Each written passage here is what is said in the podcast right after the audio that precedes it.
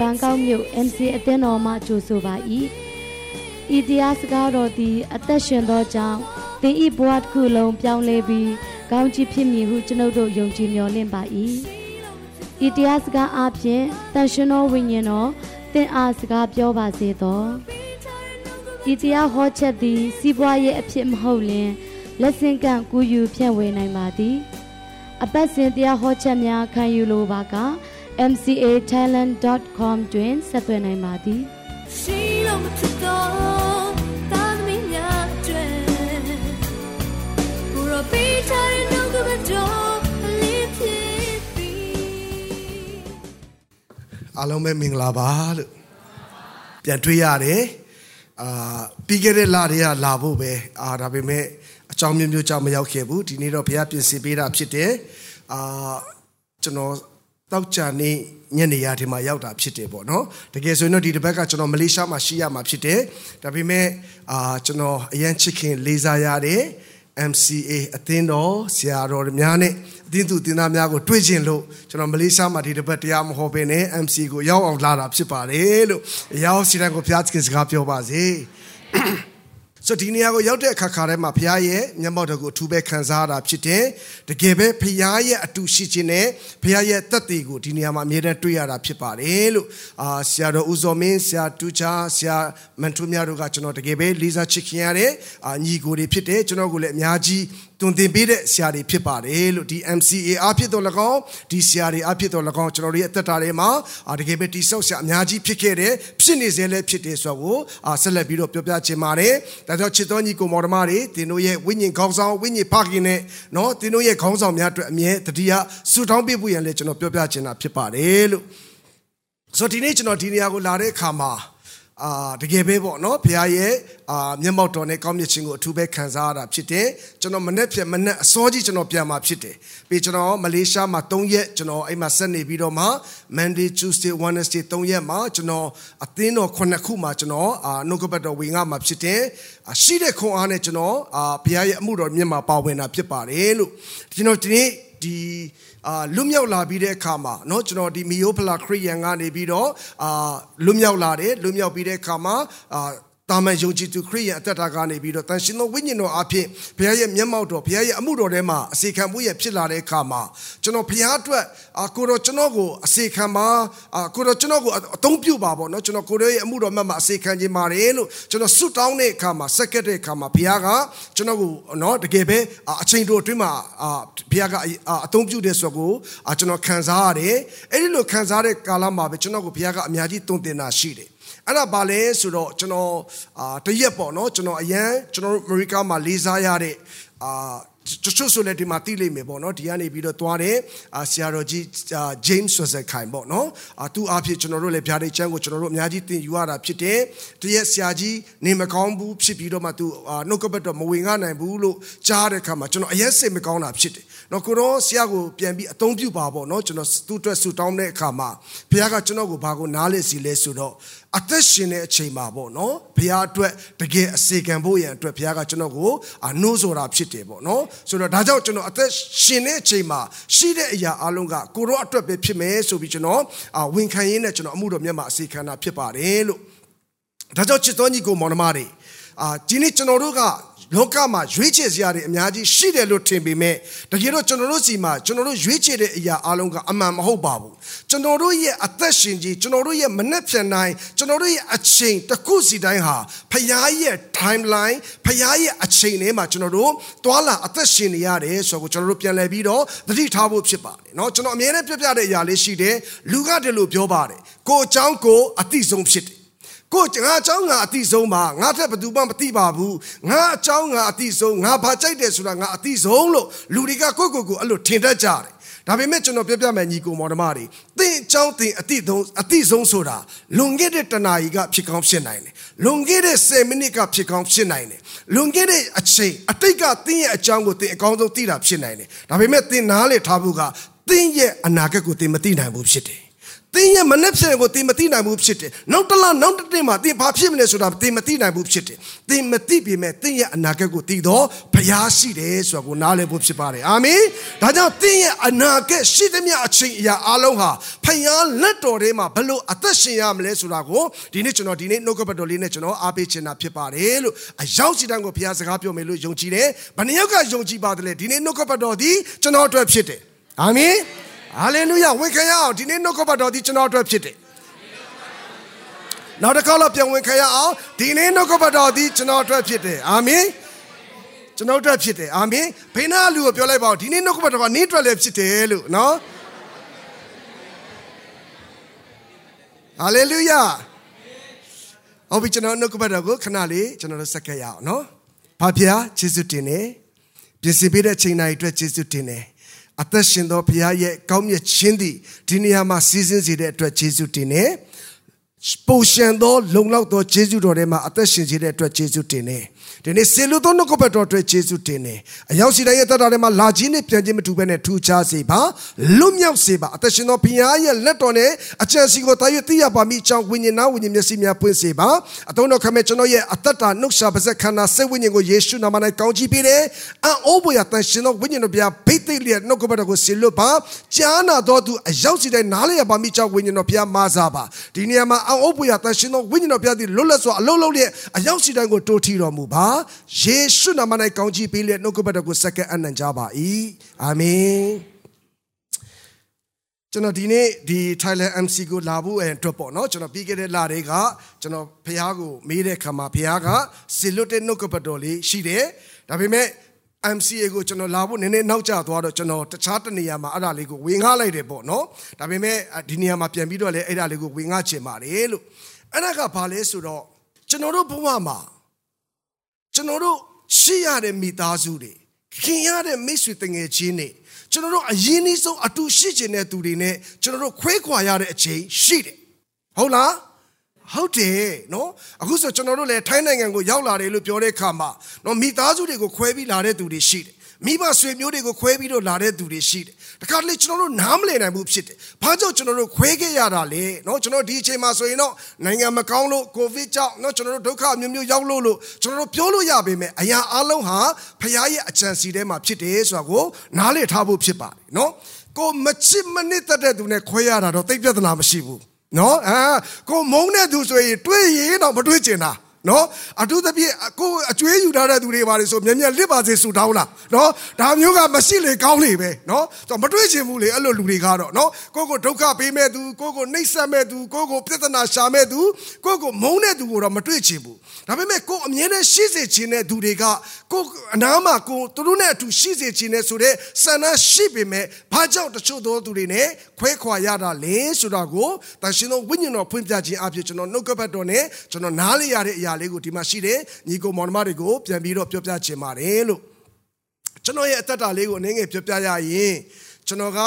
အာကျွန်တော်နာမည်က Moses Mo ဖြစ်တယ်ကျွန်တော်မှာဇနီးတင်နဲ့သားသမီး3ယောက်ရှိတာဖြစ်တယ်လက်ရှိမှာတော့ကျွန်တော် Tennessee Knoxville မှာအာအနေမော်နော်အာ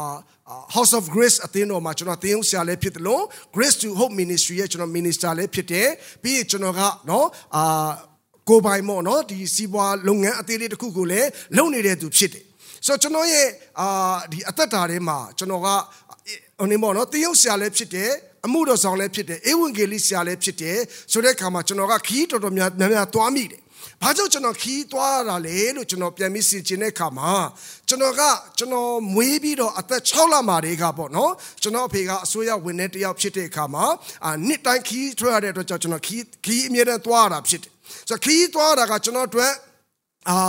အာဟိုနေမော်နော် piece of cake ပေါ့နော်အရင်လွယ်ကူတဲ့အရာဖြစ်တယ်ဆိုတော့တခါလေကြာရင်ကျွန်တော်မြန်မာပြည်ကလာလေတဲ့သူတွေမင်းဆရာနော်နယူးယောက်ကဆရာတို့နဲ့နီးလားဆိုတော့ဟာနီးနီးလေးဆိုတော့ဟာလာဆရာကားနဲ့သွားရင်ဘယ်လောက်လဲဆိုတော့၈နာရီပဲဆိုတော့ဟမ်တဲ့ဆရာ၈နာရီကနီးနီးလေးလားတဲ့ကျွန်တော်တော်တော်နီးနီးလေးလို့ခံစားရတာဖြစ်တယ်ပေါ့နော်ဆိုတော့ကျွန်တော် US မှာဆိုကျွန်တော်တော်တော်များများကိုကားမောင်းပြီးတော့သွားတာဖြစ်တယ်အဲ့ဒီလိုသွားတဲ့ခရီးကိုကျွန်တော်သွားတဲ့အခါမှာကျွန်တော်ဘဝမှာသင်ယူစရာအများကြီးရှိတယ် ဆိုတော့တခါလေကြာရင်လည်းမိသားစုနဲ့အတူနေခြင်းတဲ့အချိန်ရှိပေမဲ့မိသားစုကိုခွဲသွားတာရှိတယ်တချို့သော look ပေါ်ဆောင်ဘက်တွေနဲ့ကျွန်တော်ခွဲသွားတာရှိတယ်အဲ့ဒါကျွန်တော်ဘုရားကိုမေးတဲ့အခါမှာဘုရားကဒီနေ့နှုတ်ကပတ်တော်လေးနဲ့ကျွန်တော်ကိုတုံတင်တာဖြစ်ပါတယ်လို့အဲ့တော့အဲ့ဒါလေးကိုကျွန်တော်နင်းပေါ်တော့အဓိကပြောပြခြင်းနဲ့အဲ့ဒါကတော့ကျမ်းစာထဲမှာပါတယ်ဘသူရဲ့အဖြစ်ပြက်လဲဆိုတော့အာဗြဟံရဲ့အဖြစ်ပြက်လေးဖြစ်တယ်အာဗြဟံရဲ့အဘွားမှာလဲနော်တချို့သောသူတွေနဲ့သူအချင်းချင်းခွဲခဲ့ရတယ် အဲ့ဒီຢာကိုကျွန်တော်ပြန်ပြီးတော့နှုတ်ကပတ်တော်နဲ့ပြန်ဆင်ခြင်တဲ့အခါမှာဖခင်ကဘာကြောင့်လဲဆိုတာကိုတန်ရှင်သောဝိညာဉ်တော်ကဖွင့်ပြတဲ့အရာလေးကိုကျွန်တော်ဒီနေ့ပြောပြချင်တာဖြစ်ပါတယ်လို့ကပ္ပဦးကျမ်းအခန်းကြီး7ကိုရောက်လာတဲ့အခါမှာကျွန်တော်ဖတ်ပြခြင်းနဲ့ကပောက်ချံခန်းကြီးစနစ်ကိုရောက်လာတဲ့ခါမှာတဲ့နော်ထာဝရဘုရားသည်လည်းအာဗြဟံကိုခေါ်တော်မူ၍သင်ဤပင်နှင့်တကွာအမျိုးသားပေါင်းပေါ် အမျိုးသားပေါင်းပေါ်များတွေကထွက်ပြီးလျင်ငါပြလက်တဲ့သောပြည်သို့သွားလောငါသည်တင့်ကိုလူမျိုးကြီးဖြစ်စေမည်ငါကောင်းကြီးပေး၍သင်၏နာမကိုကြီးမြတ်စေမည်သင်ကြီးကောင်းကြီးခံရသောသူဖြစ်လိမ့်မည်သင်ကိုကောင်းကြီးပေးသောသူကိုငါကောင်းကြီးပေးမည်သင်ကိုချိန်စေသောသူကလည်းငါချိန်စေမည်သင်အားဖြင့်လည်းလူမျိုးအပေါင်းတို့သည်ကောင်းကြီးမင်္ဂလာကိုခံရကြလိမ့်မည်ဟုမိန့်တော်မူ၏ နော်ခါရမနော်ဒီအာဗြဟံကသူ့အဖေနဲ့နေနေတဲ့အချိန်မှာဖခင်ကနေပြီးတော့ရှိတဲ့မိသားစုဆွေမျိုးပေါက်ပေါ်ခြင်းတွေကနေထွက်ပြီးတော့ငါပြလက်တန့်သောပြီလို့ပြောတဲ့ဖေနေရာမှမသိတဲ့နေရာကိုဖခင်ကအာဗြဟံကိုပထမဆုံးခေါ်ထုတ်တာဖြစ်တယ်ဆိုအာဗြဟံနေနဲ့အဲ့ဒီချိန်မှာသူအနေနဲ့စဉ်းစားမယ်ဆိုရင်တော့ဇနီးတဲ့ပါလာမယ်သူနဲ့တွားတဲ့သူတွေတချို့ပါလာပေမဲ့သူ့ရဲ့နော်မိဘတွေသူ့ရဲ့နော်ဒီညီကိုတွေနော်သူ့ရဲ့တူတူမတွေသူနဲ့ပတ်သက်တဲ့သူတွေအားလုံးကိုထားပြီးတော့တွားမှာဖြစ်တယ်ဘ ယ်နေရာလဲမသိဘူးဖယားအတန်ကိုကြားပြီးတော့သွားမှာဖြစ်တယ်ဖယားခေါ်တဲ့နေရာကိုသွားရမှာဖြစ်တယ်ဒါပေမဲ့အာဗြံဒီဖယားအတန်ကိုရှင်းလင်းစွာကြားသောကြောင့်ဖယားခေါ်တော့ငါပြလက်တန်သောပြီလို့ပြောတဲ့နေရာကိုအာဗြဟံဖယားအတန်ကိုကြားပြီးတော့လိုက်ခဲ့တာကိုကျွန်တော်တို့တွေ့ရတာဖြစ်တယ်ဆိုတော့ဒီနေ့ကျွန်တော်တို့တက်တာမှာလဲ ဒီမှာရှိတဲ့ညီကိုမောင်နှမတွေ online မှာကြည့်ရှုနေတဲ့သူတွေနိုင်ငံကြီးချမ်းမှာရှိတဲ့သူတွေကျွန်တော်တို့အသက်တာကိုကျွန်တော်တို့ပြန်ပြီးစဉ်းစားဖို့ဖြစ်တယ်ဒီနေ့ကျွန်တော်တို့ထိုင်းနိုင်ငံကိုရောက်လာတဲ့အခါမှာတချို့တွေကနော်အာမိဘတွေညီကိုမောင်နှမတွေမိသားစုဇနီးသားသမီးတွေကိုထားခဲ့ပြီးတော့မှကျွန်တော်ထွက်လာတာဖြစ်တယ်နော်ဆိုတော့ကျွန်တော်တို့နှလုံးသားချေခွေရတဲ့ချိန်တွေရှိတယ်မိဘအမေအိမ်ကိုပြန်ပြီးသတိရတဲ့အချိန်တွေရှိတယ်နော်ကျွန်တော်တို့နော်မိဘတွေနဲ့ညီကိုမောင်နှမတွေနဲ့ပြန်ပြီးတော့အတူနေခြင်းတဲ့အချိန်တွေရှိတယ် ဘာကြောင့်ထိုင်းကိုရောက်ရရောက်လာရတာလဲဆိုတော့တချို့သူတွေကထင်လိုက်မယ်ငါတို့ဝင်ဝင်များများရအောင်လမ်းစာများများရအောင်ထိုင်းနိုင်ငံမှာပတ်စံစုပြီးမှဗမာပြည်မှာပြန်ပြီးတော့ချမ်းသာအောင်နေရအောင်လို့စဉ်းစားလိုက်မယ်ဒါပေမဲ့ကျွန်တော်အားပေးခြင်းနဲ့ညီကောင်မောင်နှမတွေများစွာသောသူတွေဒီထိုင်းနိုင်ငံကိုလာပြီးမဲ့ထိုင်းနိုင်ငံကိုမရောက်တဲ့သူတွေအများကြီးရှိတယ်ဟုတ်ပါသလားဟုတ်တယ်ကျွန်တော်တို့ပင်လယ်ထဲမှာနော်အာမြစ်ထဲမှာတည်သွားတဲ့သူတွေအများကြီးရှိတယ် ကားစီးလာရင်လည်းကားပေါ်မှာတည်သွားတဲ့သူတွေရှိတယ်နော်အာအမျိုးမျိုးပေါ့ရောက်လာပြီမဲ့မရောက်ကြဘူးဖြစ်တယ် ဒါပေမဲ့သင်ကိုဖခင်ကဒီနေ့ထိုင်းနိုင်ငံကိုပို့ထားတာနိုင်ငံရက်ခြားကိုပို့ထားတာဖခင်အကြံစီရှိတယ်ဆိုတာကိုနားလည်ထားစေခြင်းနဲ့အာမင်ဒါကြောင့်မို့လို့နိုင်ငံခြားရောက်ပြီးမိဘလက်ကလွတ်သွားပြီငါရဲ့ဘေးနားမှာပွားစီပွားစီပြောတယ်မိမလည်းမရှိတော့ဘူးเนาะငါ့ကိုလိုချင်တာပူစားမဲ့သားသမီးလည်းမရှိတော့ဘူးအဲ့တော့ထိုင်းနိုင်ငံရောက်ရင်လူပြိုအပြိုလို့နေလို့ရပြီလို့လည်းမစင်စားပါနဲ့သင်နဲ့အတူဖခင်ရှိတယ်ဆိုတာကိုမမေ့ပါနဲ့အာမင်ဖခင်သင်ကိုဒီထိုင်းနိုင်ငံကိုပို့ထားတာ သင်အတွက်သင်စီမှာသင်မိသားစုအတွက်အကြံစီရှိတယ်ဆိုတာကိုနားလည်ထားစေချင်တယ်အာဗြလဲလို့ပဲဖခင်ရဲ့အတန်ကိုကြားပြီးတော့သူထွက်လာတဲ့အခါမှာဘေးကိုတွားပြီးဘာလုပ်ရမှန်းမသိပေမဲ့ဖခင်နောက်ကိုလိုက်ကလိုက်ခဲ့ပြီးတော့မှခါနန်ပီကိုရောက်တဲ့အခါကျတော့မှဖခင်ကအာဗြဟံကိုတိတိကျကျစကားပြောတာဖြစ်တယ်အာဗြဟံမင်းကိုငါနေခိုင်းမဲ့နေရာဒီခါနန်ပီဖြစ်တယ် အာဗြဟံထွက်လာတဲ့အချိန်တုန်းကဘယ်ကိုသွားရမယ်မသိပေမဲ့အဲ့ဒီခါနန်ဘီကိုရောက်တဲ့အခါမှာဖခင်သူ့ကိုထားတယ်ဆိုတာကို तू ကောင်းကောင်းသဘောပေါက်သွားတာဖြစ်တယ်။ဒါကြောင့်ချစ်တော်ညီကိုမောင်နှမတွေသင်ကအမတ်တမဲ့ပဲထိုင်းကိုရောက်လာရောက်လာတေးသေးချာချာချိန်ပြီးတော့ပဲရောက်လာရောက်လာ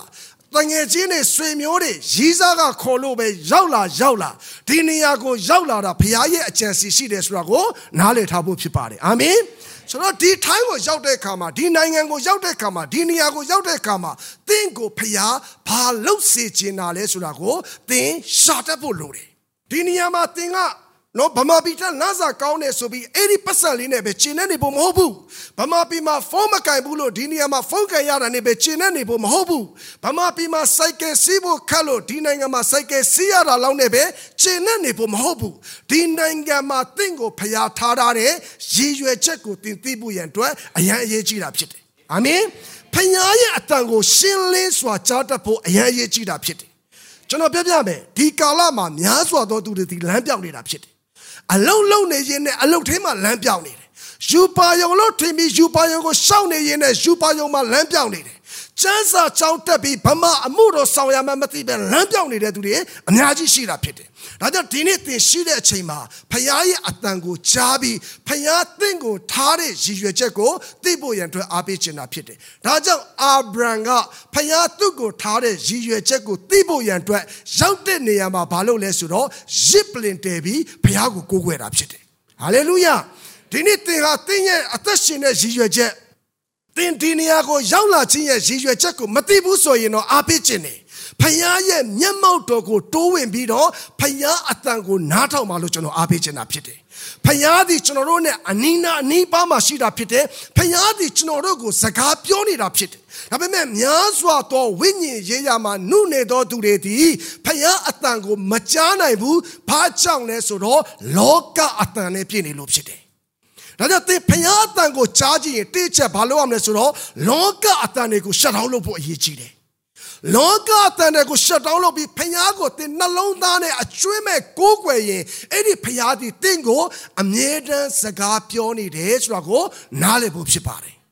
အာဗြဟံကိုဖခင်ကစကားပြောတဲ့အခါမှာခါနန်ပြည်ကိုသူအမွေရတယ်။ခါနန်ပြည်ကိုအမွေရပေမဲ့အာဗြဟံကဖခင်နဲ့အတူနော်ဒီရစ်ပူစော်ခြင်းနဲ့ဖခင်ကိုရောက်တဲ့နေရာမှာကိုးကွယ်ပြီးဖခင်ရဲ့မျက်နာတော်ဖခင်ရဲ့မျက်မှောက်တော်ကိုရှာပြီးတော့အာဗြဟံအသက်ရှင်တဲ့အခါမှာတဲ့အာဗြဟံဒီအံ့ဩဖွယ်ရာတိုးပွားခြင်းကိုတွေးရတာဖြစ်တယ် အာဗြဟံကသူနဲ့ခါရန်ကနေပြီးတော့အတူပါလာတဲ့သူ့ရဲ့တူလောတာနဲ့သူတို့ရဲ့အစီမှာနော်သူတို့ရဲ့တရိษံတွေပွားများလာတယ်ဂျွန်တွေပွားများလာတယ်လုပ်ငန်းတွေပွားများလာတယ်ဘန်နာတွေပွားများလာတယ်ပွားများခြင်းတွေဖြစ်လာတဲ့ထောက်လျှောက်မှာအာဗြဟံကဘာလုပ်လဲဆိုတော့ဖယားကိုပဲရှိတဲ့နေရာမှာကိုးကွယ်တဲ့သူဖြစ်တယ်ဒါပေမဲ့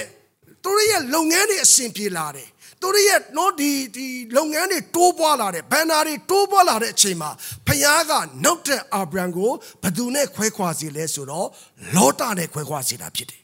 တကယ်တော့လောတာဆိုတာသူ့ရဲ့တူဘာမှမရှိတဲ့တုံညာဘွားကနေခါရန်ကနေတူတူထွက်လာတဲ့သူတွေဖြစ်တယ်သူတို့တူတူဝီးတွေအတူတူလုပ်ပြီးလုပ်ငန်းတွေတိုးပွားလာတာဖြစ်တယ်ဒါပေမဲ့ဖခင်က သူ့ရဲ့တူနဲ့တူလုပ်ငန်းတွေတိုးပွားလာတဲ့အချိန်မှာဖခင်ကလောတာနဲ့ခွဲဖို့ရန်အတွက်အာဗြဟံကိုစီစဉ်တာဖြစ်တယ်။ဘာအားဖြင့်လဲဆိုတော့သူတို့တိုးပွားလာတဲ့တရိษံတွေကိုထိန်းချောင်းနဲ့ဂျုံတွေကပွားများလာခြင်းရဲ့နောက်မှာတယောက်နဲ့တယောက်စကားများပြီးတော့ဂျုံချင်းချင်းရန်ဖြစ်တဲ့အခါမှာအာဗြဟံကပြောပြတယ်လောတာ ငါတို့တွေလည်းတိုးပွားတာတွေအရန်ကြီးတိုးပွားလာပြီးမင်းရဲ့ဂျုံနဲ့ငါရဲ့ဂျုံနဲ့ရန်ဖြစ်တဲ့အခါမှာငါတို့အတွက်မကောင်းဘူးဖြစ်တယ်အဲ့ဒီတော့ငါတို့နှစ်ယောက်ခွဲခြားရင်ကောင်းမယ်အဲ့တော့လောတာမင်းမြေကြီးကိုမင်းကြည့်လိုက်ပါမြင်သမျှအရာအလုံးထဲမှာမင်းကြိုက်တဲ့ဘက်ကိုမင်းရွေးပါမင်းအရှိသွားရင်ငါအနောက်သွားမယ်မင်းတောင်သွားရင်ငါမြောက်သွားမယ်ဆိုပြီးတော့လောတာကိုပြောတယ်လောတာနဲ့ခွဲစီတာဖြစ်တယ်လောတာဒီဦးလေးစကားကိုကြားတဲ့အခါမှာလောတာကမာနကြီးတယ် တကယ်တော့လောတာရတဲ့ကောင်းကြီးမင်္ဂလာအလုံးဒီဖျားစကားကိုနားထောင်တော့အာဗြဟံအဖြစ်ဖြစ်တယ်ဒါပေမဲ့ तू ကဘလို့ထင်လဲဆိုတော့နော်ဦးလေးအာဗြဟံနဲ့ခွဲလေးလောတာကငါမှဒီလောက်တိုးပွားခြင်းနဲ့ဖြစ်တာဦးလေးလောက်ကတော့ငါလည်းလုံနိုင်ပါတယ်ဆိုပြီးတော့အဲ့ဒီအတွေးခေါ်နဲ့ဦးလေးအခွင့်အရေးပေးတဲ့အခါမှာဂျော်ဒန်မြင့်ရဲ့လှိစစ်တစ်ဖက်စိမ့်လက်ဆိုပြီးတဲ့ဘက်အားလုံးကို तू ကရွေးချယ်ပြီးတော့မှကောင်းတဲ့အရာတွေကိုအားလုံးရွေးချယ်လိုက်တာဖြစ်တယ် ဒါပေမဲ့ကျမ်းစာကိုကျွန်တော်တို့ပြန်ကြည့်တဲ့အခါမှာသိဝမ်းနေဖို့ကောင်းတာကလောတရွေသောအရာသည်လောကမျက်စိနဲ့ရွေသောအဖြစ်နော်ကျွန်တော်တို့တောတုံနဲ့ဂေါမောရာလို့ပြောတဲ့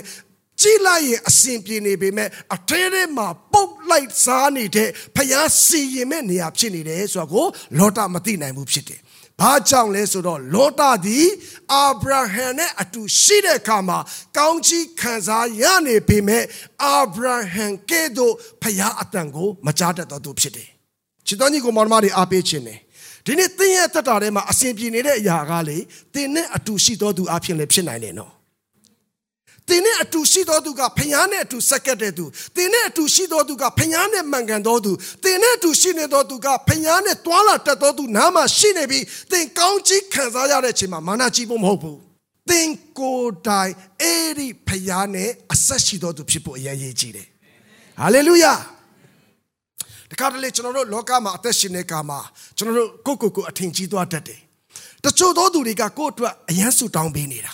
တချို့သောသူတွေကကိုယ့်ကိုယ်အတွက်နော်ဝိညာဉ်ရေးရမှာဆွဲခေါ်နေတာဒါပေမဲ့ကျွန်တော်တို့က तू မရှိလဲငါဖြစ်ပါတယ်ဆိုတဲ့အတွေးခေါ်မျိုးကျွန်တော်တို့ဝင်လာတတ်တာဖြစ်တယ်အဲ့ဒါကလောတာရဲ့နှလုံးသားဖြစ်တယ်ဒါကြောင့်မို့လို့ကျွန်တော်ကဘာကိုသဘောကျလဲဆိုတော့ယောရှုရဲ့အသက်တာအရင်သဘောကျလာဖြစ်တယ်ယောရှုကသူ့ရဲ့ခေါင်းဆောင်မောရှိကဖခင်ရဲ့မျက်မှောက်တော်ကိုတိုးဝင်တဲ့အခါမှာမောရှိကဖခင်နဲ့မျက်မှောက်တော်ထဲမှာစကားပြောပြီးပြန်ထွက်တဲ့အခါမှာယောရှုဒီဖခင်ရှိတော်မျက်မှောက်တော်မှာဆက်ပြီးကြံခဲ့တာဖြစ်တယ်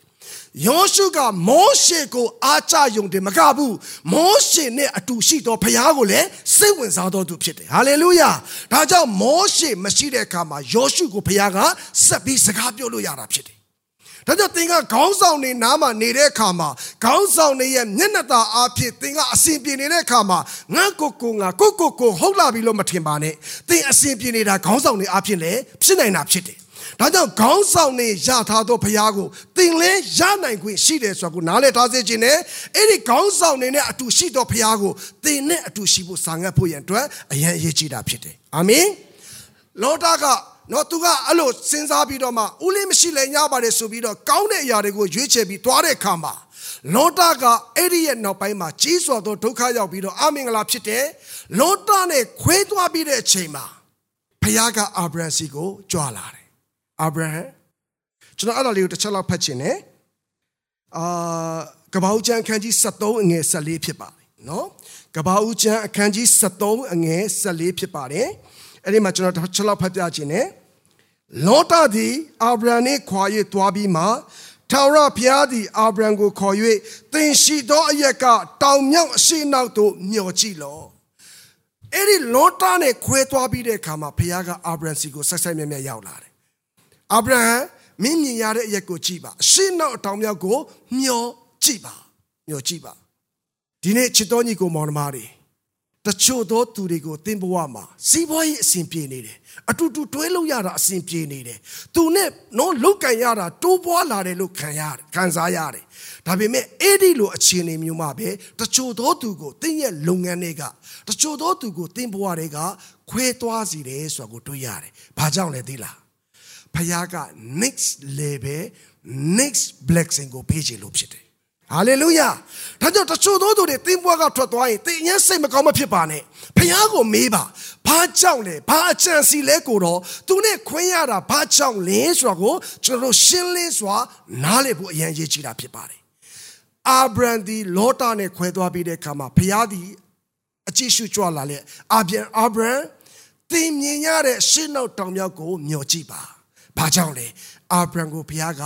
next level next blessing ကိုပေးခြင်းလဲဆိုတော့ကျွန်တော်တို့တွေ့ရတာဖြစ်ပါတယ်ဒါကြောင့်အာဗြဟံအနေနဲ့ကတော့သူ့တူကိုသူကနော်ငယ်ရွယ်ခြင်းတွေကကြည့်ရှုလာပြီးတော့မှသူ့ရဲ့တူလေးကိုသူတန်ရောစင်ရှိပေမဲ့ဘုရားခွဲခိုင်းတဲ့အချိန်မှာခွဲရတာဖြစ်တယ်အာဗြဟံကနော်ဆွေမျိုးပေါ်ပေါ်ချင်းတွေကထွက်လာတယ်ခွဲလာတယ်ဒီတူလေးနဲ့လူ၃လေးယောက်လောက်ပဲလာခဲ့တဲ့တဲမှာသူ့တူနဲ့ထပ်ခွဲရတယ် ခွဲရပြီးတဲ့အခါမှာအာဗြဟံစိတ်ရဲ့စိတ်ထဲမှာအရင်ခံစားရတဲ့အချိန်မှာပဲဖခင်ကအာဗြဟံနဲ့စာရဲကိုပြောတယ်တင်တို့ကိုနော်ငါအာအာဂရိတော်နဲ့ဆက်ဆံတော့တားကိုပေးမယ်လို့ပြောတဲ့အခါမှာသူတို့အရင်စဉ်းစားတယ်အာဗြဟံကအသက်ကြီးပြီစာရဲကသွေးဆုံးပြီကျွန်တော်တို့ကျမတို့ဘလို့မှကလေးမရနိုင်တော့ဘူးလို့ထင်တဲ့အခါမှာသူတို့နော်သူတို့တဲမှာမွေးတဲ့သူသူတို့ရဲ့တူလေးသူတို့ရဲ့နဲ့အတူရှိတဲ့ကလေးတွေကိုအမွေခံဖြစ်နိုင်မလားလို့မေးတဲ့အခါမှာဘုရားကမဟုတ်ဘူး မင်းရဲ့အထဲတွေကပဲအဲ့ဒီဗရိညင်နဲ့ဆိုင်သောသားသမီးကိုမွေးရမှာဖြစ်တယ်။အာဗြဟံနဲ့စာရဲသည်သူတို့ရဲ့အခြေအနေကိုကြည့်တဲ့အခါမှာမဖြစ်နိုင်ဘူးလို့ထင်ပြီးတော့မှစာရဲကအာဗြဟံကိုအကြံဉာဏ်ပေးတယ်။ငါယောက်ျားဘာပဲဖြစ်ဖြစ်ငါတို့လည်းအသက်ကြီးပြီဖခင်ကလည်းပေးမယ်ပေးမယ်နဲ့စောင့်ရတာလည်းကြားပြီ နော်ဖခင်စကားကိုသာယုံပြီးစောင့်ရင်ငါတို့တော့နော်သင်းချိုင်းကိုဟိုဘက်ရောက်တော့မယ်ကလေးတော့ရနိုင်မှာမဟုတ်ဘူးလို့ထင်ပြီးတော့လူအကြံစီးနဲ့စဉ်းစားပြီးတော့မှဂျုံမဟာဂရာနဲ့အာဗြဟံကိုအိတ်စေပြီးတော့မှတားကိုဖွားမြင်လာသူတို့ရဲ့ဂျူးထုံးစံကတော့ ဂျုံကမွေးမွေးဘသူကမွေးမွေးငါတို့တဲမှာမွေးတဲ့အရာအလုံးကသခင်ကပိုင်တာဖြစ်တဲ့အတွက်ကြောင့်မို့လို့အာဗြဟံနဲ့ဂျုံမဟာဂရာနဲ့မွေးတဲ့အရာလဲဒါအာဗြဟံသားပဲလေဆိုပြီးတော့မှဂတိတော်ကိုမေ့လျက်လူရဲ့အကြံစီနဲ့လှုပ်ဆောင်တာဖြစ်တယ်နော်ယောက်ျားတော်တော်များများကတခြားကိစ္စမှာသာမိန်းမစကားတိတ်နားမထောင်တတ်တာဒါမျိုးဆိုရင်တော့အရန်အာမေထုပဲပုံမှာရှိတယ်နော်ဆိုတော့နော်ဂျုံမနဲ့အိတ်ဆိုတော့ तू ကလည်းဝမ်းသာအားရပါပဲနော် သူထင်တာကတော့တားရရင်တော့ဒါကဒီသားကဖခင်ရဲ့ဂရိတော်နဲ့ဆက်ဆိုင်မယ်လို့သူထင်တာဖြစ်တယ်ဒါပေမဲ့ဖခင်ကအာဗြဟံကိုရှင်းလင်းစွာပြောထားပြီးသားဖြစ်တယ်မင်းနဲ့မင်းမိမကတာဖွာရမယ်ကလေးသည်ဂတိတော်နဲ့ဆက်ဆိုင်တော်သူဖြစ်တယ်ဆိုတာကိုရှင်းရှင်းလင်းလင်းပြောတာပြီးပြီမဲ့လူအကြံစီနဲ့လှုပ်ဆောင်ပြီးတော့မှဣရှမေလကိုမွေးစီတာဖြစ်တယ်ဒီနေ့ထက်ထိကဘာပေါ်မှာရှင်းလို့မရတဲ့လူမျိုးတစ်မျိုးဖြစ်လာတာဖြစ်တယ်တရက် အာဗြဟံကမဖြစ်နိုင်တော့ဘူးလို့စဉ်းစားနေတဲ့အချိန်မှာပဲဘုရားကနေပြီးတော့စာရဲကိုကိုဝင်လွယ်စီတာဖြစ်တယ်အဲ့ဒီမှာအယံထူးဆန်းတဲ့အရာကလေအာဗြဟံကိုအာဗြဟံကိုအာဗြဟံအဖြစ်ပြောင်းပြီးတော့တာဣဆက်ကိုပေးတဲ့အချိန်မှာဘုရားကချက်ချင်းနာမည်ပြောင်းပလိုက်တယ်အရင်တော့ကဟာဂရနဲ့ဣရှမေလရတဲ့အထိသူ့ရဲ့နာမည်ဒီအာဗြဟံဖြစ်ပေမဲ့ ဣဆက်ကိုမွေးဖို့ဣဆက်ကိုရဖို့ဖြစ်လာတဲ့အခါမှာအာဗြဟံကိုအာဗြဟံဆိုပြီးနာမည်ပြောင်းလိုက်တယ်စာရဲကိုစာရာအဖြစ်ပြောင်းလိုက်တာဖြစ်တယ်တချို့သောကောင်းကြီးတွေရဲ့အနောက်မှာကြီးစွာသောပြောင်းလဲခြင်းရှိတယ်ဆိုတာကိုတွေ့ရတာဖြစ်ပါတယ်ဆိုတော့အဲ့မှာဣဆက်ကိုရတဲ့အချိန်မှာနော်အဲ့ဒီဣရှမွေလာကဣဆက်ကိုအနိုင်ကျင့်တဲ့အခါမှာသူ့ရဲ့အမေစာရာမခံစားနိုင်ဘူးဖြစ်တယ်ကျုံမနဲ့ရတဲ့ကလေးကငါရဲ့သားကိုဆဲရလား ကျုံမနဲ့ရတဲ့ကလေးကငါ့ကိုနှိပ်ဆဲရလားဆိုပြီးတော့အာဗြဟံကိုကျုံမနဲ့သူ့ရဲ့သားကိုပြစ်ခိုင်းဖို့ရန်အတွက်စွန့်ပစ်ခိုင်းဖို့အတွက်ပြောတဲ့အခါမှာအာဗြဟံကဒီလိုပြောပါတယ်ဤအမှုလွန်စွာခတ်တယ်တကယ်ခတ်တာဖြစ်တယ်ဆာရာအနေနဲ့တော့သူ့ရဲ့သွေးမတော်သားမဆက်လို့ပြောလို့ရပေမဲ့အာဗြဟံအတွက်ကတော့သူ့ရဲ့သွေးသားတွေကရလာတဲ့သားဖြစ်တဲ့အတွက်မစွန့်လို့နိုင်ဘူးဖြစ်တယ်ဒါပေမဲ့ဖခင်ရဲ့စကားကရောက်လာတယ်အာဗြဟံ မိမိမစကားရဲ့နားထောင်စကားကိုနားထောင်ပြီးကျွန်မနဲ့တိတ်သားကိုစွန့်ပစ်လိုက်ပါလို့ပြောတဲ့အခါမှာအာဗြဟံဒီနာကျင်စွာနဲ့ပဲဣရှမေလကိုပြစ်ခဲ့ရတယ်ဆိုတော့ကျွန်တော်တို့တွေ့ရတာဖြစ်တယ်။ဘာကြောင့်လဲတချို့သောအရာတွေကကျွန်တော်တို့စီမှာကောင်းကြီးလို့ထင်နေပေမဲ့ဖျားနဲ့ဂတိတော်နဲ့ဆက်ဆိုင်သောအရာမဟုတ်ဘူးဖြစ်တယ်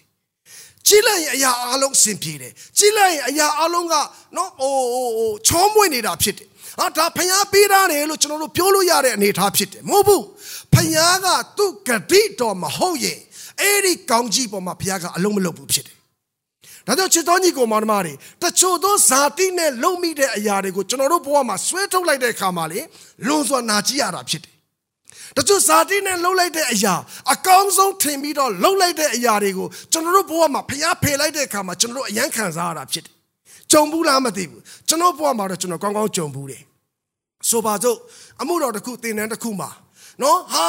တက်တက်ကြွကြွနဲ့ဒါအကောင်းဆုံးဖြစ်မှာပဲဆိုပြီးတော့လူရဲ့ဇာတိနဲ့လှုပ်လိုက်တယ်လူတွေအများကြီးလာမဲ့ထင်တယ်နေရာကိုတေချာလေးစီစဉ်တယ်ပတ်စံအများကြီးလည်းအကုန်ကြခံတယ်အားလုံးအဆင်ပြေမယ်လို့ထင်ပေမဲ့ဘုရားအကြံစီမဟုတ်တဲ့အခါမှာဘုရားကအဲ့ဒီပွဲကိုအဲ့ဒီခရူစိတ်ကိုအဲ့ဒီသင်တန်းကိုမပေးလို့ဘူးဖြစ်တယ်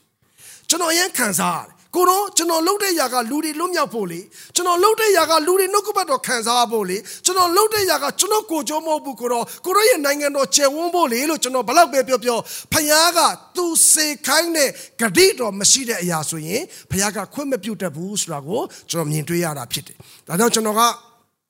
အရင်တော့ကကျွန်တော်အသင်းတော်တစ်ခုမှကျွန်တော်ပါဝင်နေ ကျွန်တော်အတွက်အရန်စင်ပြေတယ်ရှိပြီးသားအသင်းတော်တစ်ခုမှကျွန်တော်ပါဝင်တယ်လာစာကျွန်တော်အတွက်အဆင်ပြေတယ်လူယာနဲ့ချီပြီးရှိပြီးသားဖြစ်တယ်ကျွန်တော်နဲ့ကျွန်တော်မိသားစုအတွက်အရာခသိန်းအဆင်ပြေတာဖြစ်တယ်ဒါပေမဲ့အဲ့ဒီအသင်းတော်မှာကျွန်တော်ပါဝင်နေနေတရက်ကျွန်တော်ကိုဘုရားကစကားပြောတယ်ငါမင်းကိုပေးမဲ့ဂတိတော်နဲ့ဆက်ဆိုင်သောအသင်းတော်ဒီအဲ့ဒီအသင်းတော်မဟုတ်ဘူးဟာစကိုတော့ဘယ်လိုလုပ်မှာလဲကိုတော့ လာခိုင်းလို့ဒီမှာလာတယ်လေကျွန်တော်လည်းအခုလုံနေတာတော်တော်လေးအဆင်ပြေတယ်လေမိသားစုလည်းအဆင်ပြေတယ်အသင်းတော်လည်းအဆင်ပြေတယ်အားလုံးအဆင်ပြေနေတယ်လေမဟုတ်ဘူးဖခင်ကကျွန်တော်ကို next level သွားပဲသွားခိုင်းတဲ့အခါမှာအဲ့ဒီအသင်းတော်ကနေပြီးတော့ကျွန်တော်ကိုနားပြီးတော့မှကိုပိုင်ဖခင်ကိုယ်တိုင်ကျွန်တော်နဲ့အစပြုထားတဲ့အသင်းတော်တစ်ခုကိုပြန်စဖို့ရန်အတွက်ဖခင်နိုးစော်တဲ့အခါမှာတကယ်ခံစားရတာဖြစ်တယ်တကယ်ခံစားရတာဖြစ်တယ်လုံးဝလာစားမရှိတော့ဘူးပ ထမအသင်းတော်မှာတော့လာစာအပြည့်အဝရှိတယ်နော်လုံလောက်တဲ့အတိုင်းအတာရှိတယ်လုံလောက်တဲ့ left kit တွေရှိတယ်လုံလောက်တဲ့ပံ့ပိုးမှုတွေရှိတယ်နောက်ဆုံးပေါ့နော်ဒီဒီဒီဒီအိမ်သာစက်ကူအစဝယ်ကြမလို့ဘူးလားစီဒါပေမဲ့ကိုပိုင်အသင်းတော်စမယ်လို့ပြောတဲ့အခါမှာလုံးဝဝင်ဝင်တပြားမှမရှိဘူးကျွန်တော်လည်းလုံးမရှိဘူးကျွန်တော်မိမလည်းလုံးမရှိဘူးအဲ့ဒီအသင်းတော်ကိုစားဖို့တခါမှာတကယ်ကတ်တာဖြစ်တယ်ဘလို့စားရမလဲကိုတော့မဟုတ်ဘူးစားပါငါရဲ့ဂတိတော်ဒီအဲ့ဒီအသင်းတော်မှာရှိတာဖြစ်တယ် ကိုတော့မလွယ်ဘူးနဲ့တူတယ်အေးလွယ်တာမလွယ်တာတော့မင်းရဲ့ရွေးချယ်မှုဖြစ်တယ်ငါကတော့စခိုင်းတာဖြစ်တယ်ဘလောက်ထိလဲဆိုတော့ကျွန်တော်ဒီအသင်းတော်အသစ်ကိုပြန်စားတဲ့အခါမှာအသင်းတော်အဟောင်းကဒီမိသားစုကလေးတွေကကျွန်တော်သားနဲ့မစောတော့ကျွန်တော်သားလေးမှာကျွန်တော်မှာစင်နှစ်ကျော်သားလေးရှိတယ်စင်နှစ်ကျော်ကလေးဆိုတော့လေအဖော်မတ်တာပေါ့နော်သူအမအကြီးလေးကလည်းနည်းနည်းလေးသူ့ထက်နည်းနည်းကြီးတော့စကွန်စကွန်၁၈လောက်ဆိုတော့သူနဲ့မစောတော့ဘူးလေသူ့မှာစော့စရာအပေါင်းသေးမရှိတော့အပတိုင်းလာမေးတာ ဒေဒီငါတငယ်ချင်းတွေဘယ်ရောက်သွားလဲငါတငယ်ချင်းတွေနဲ့ငါသွားစော့ခြင်းသူ့ကိုကျွန်တော်ဘယ်လိုဖြေရမလဲကျွန်တော်မှဖြေစရာအဖြေမရှိဘူး။အော်တားရဒီတစ်ပတ်တော့ခဏနေပါဦးနောက်တစ်ပတ်တော့စုံကြမှာပေါ့။နောက်တစ်ပတ်တော့နင်းမင်းကိုခင်တဲ့သူတွေလာမှာပါ။ဟာမင်းပြောတာတော့တစ်ပတ်တစ်ပတ်နဲ့အခုတည်းမလာသေးဘူး။တော်တော်ကက်တယ်လူကြီးကတော့နေနိုင်ပေမဲ့ဖျားတန်ချပြီး struggle လုပ်နိုင်ပေမဲ့သားသမီးတွေနားမလည်နိုင်ဘူးဖြစ်တယ်။ကျွန်တော်ကိုရောကိုမေးတယ်ကိုရောဘာလုပ်ချင်တာလဲ။ တကယ်ပြောတာပါကျွန်တော်လည်းအဲ့ဒီຢာကိုလှုပ်လိုက်ခြင်းအပြင်ကျွန်တော်ဘဝမှာလည်းနော်တကယ်ကိုစာမွေးပွဲတွေများစွာဖြစ်ရတယ်လို့နာကြည်ခြင်းတွေလည်းရှိတာဖြစ်တယ်လူတွေရဲ့မျက်နှာလွှဲခြင်းခံရတယ်အသင်းတော်တွေတော်တော်များများရဲ့တကားပိတ်ခြင်းကိုခံရတယ်တခါတလေဖညာရဲ့ဂတိတော်ကိုဆွဲကင်တဲ့အခါမှာလူတွေတော်တော်များများနားလေခြင်းမှာနားလေမှာဖြစ်တယ်ဒါပေမဲ့ယေရှုတော်ကြောင့်အတူရှိသောဘုရားကိုဝန်ခံတဲ့အခါမှာဘုရားကနှစ်ဆသောကောင်းခြင်းမင်္ဂလာရောက်လာတာဖြစ်တယ်အာမင်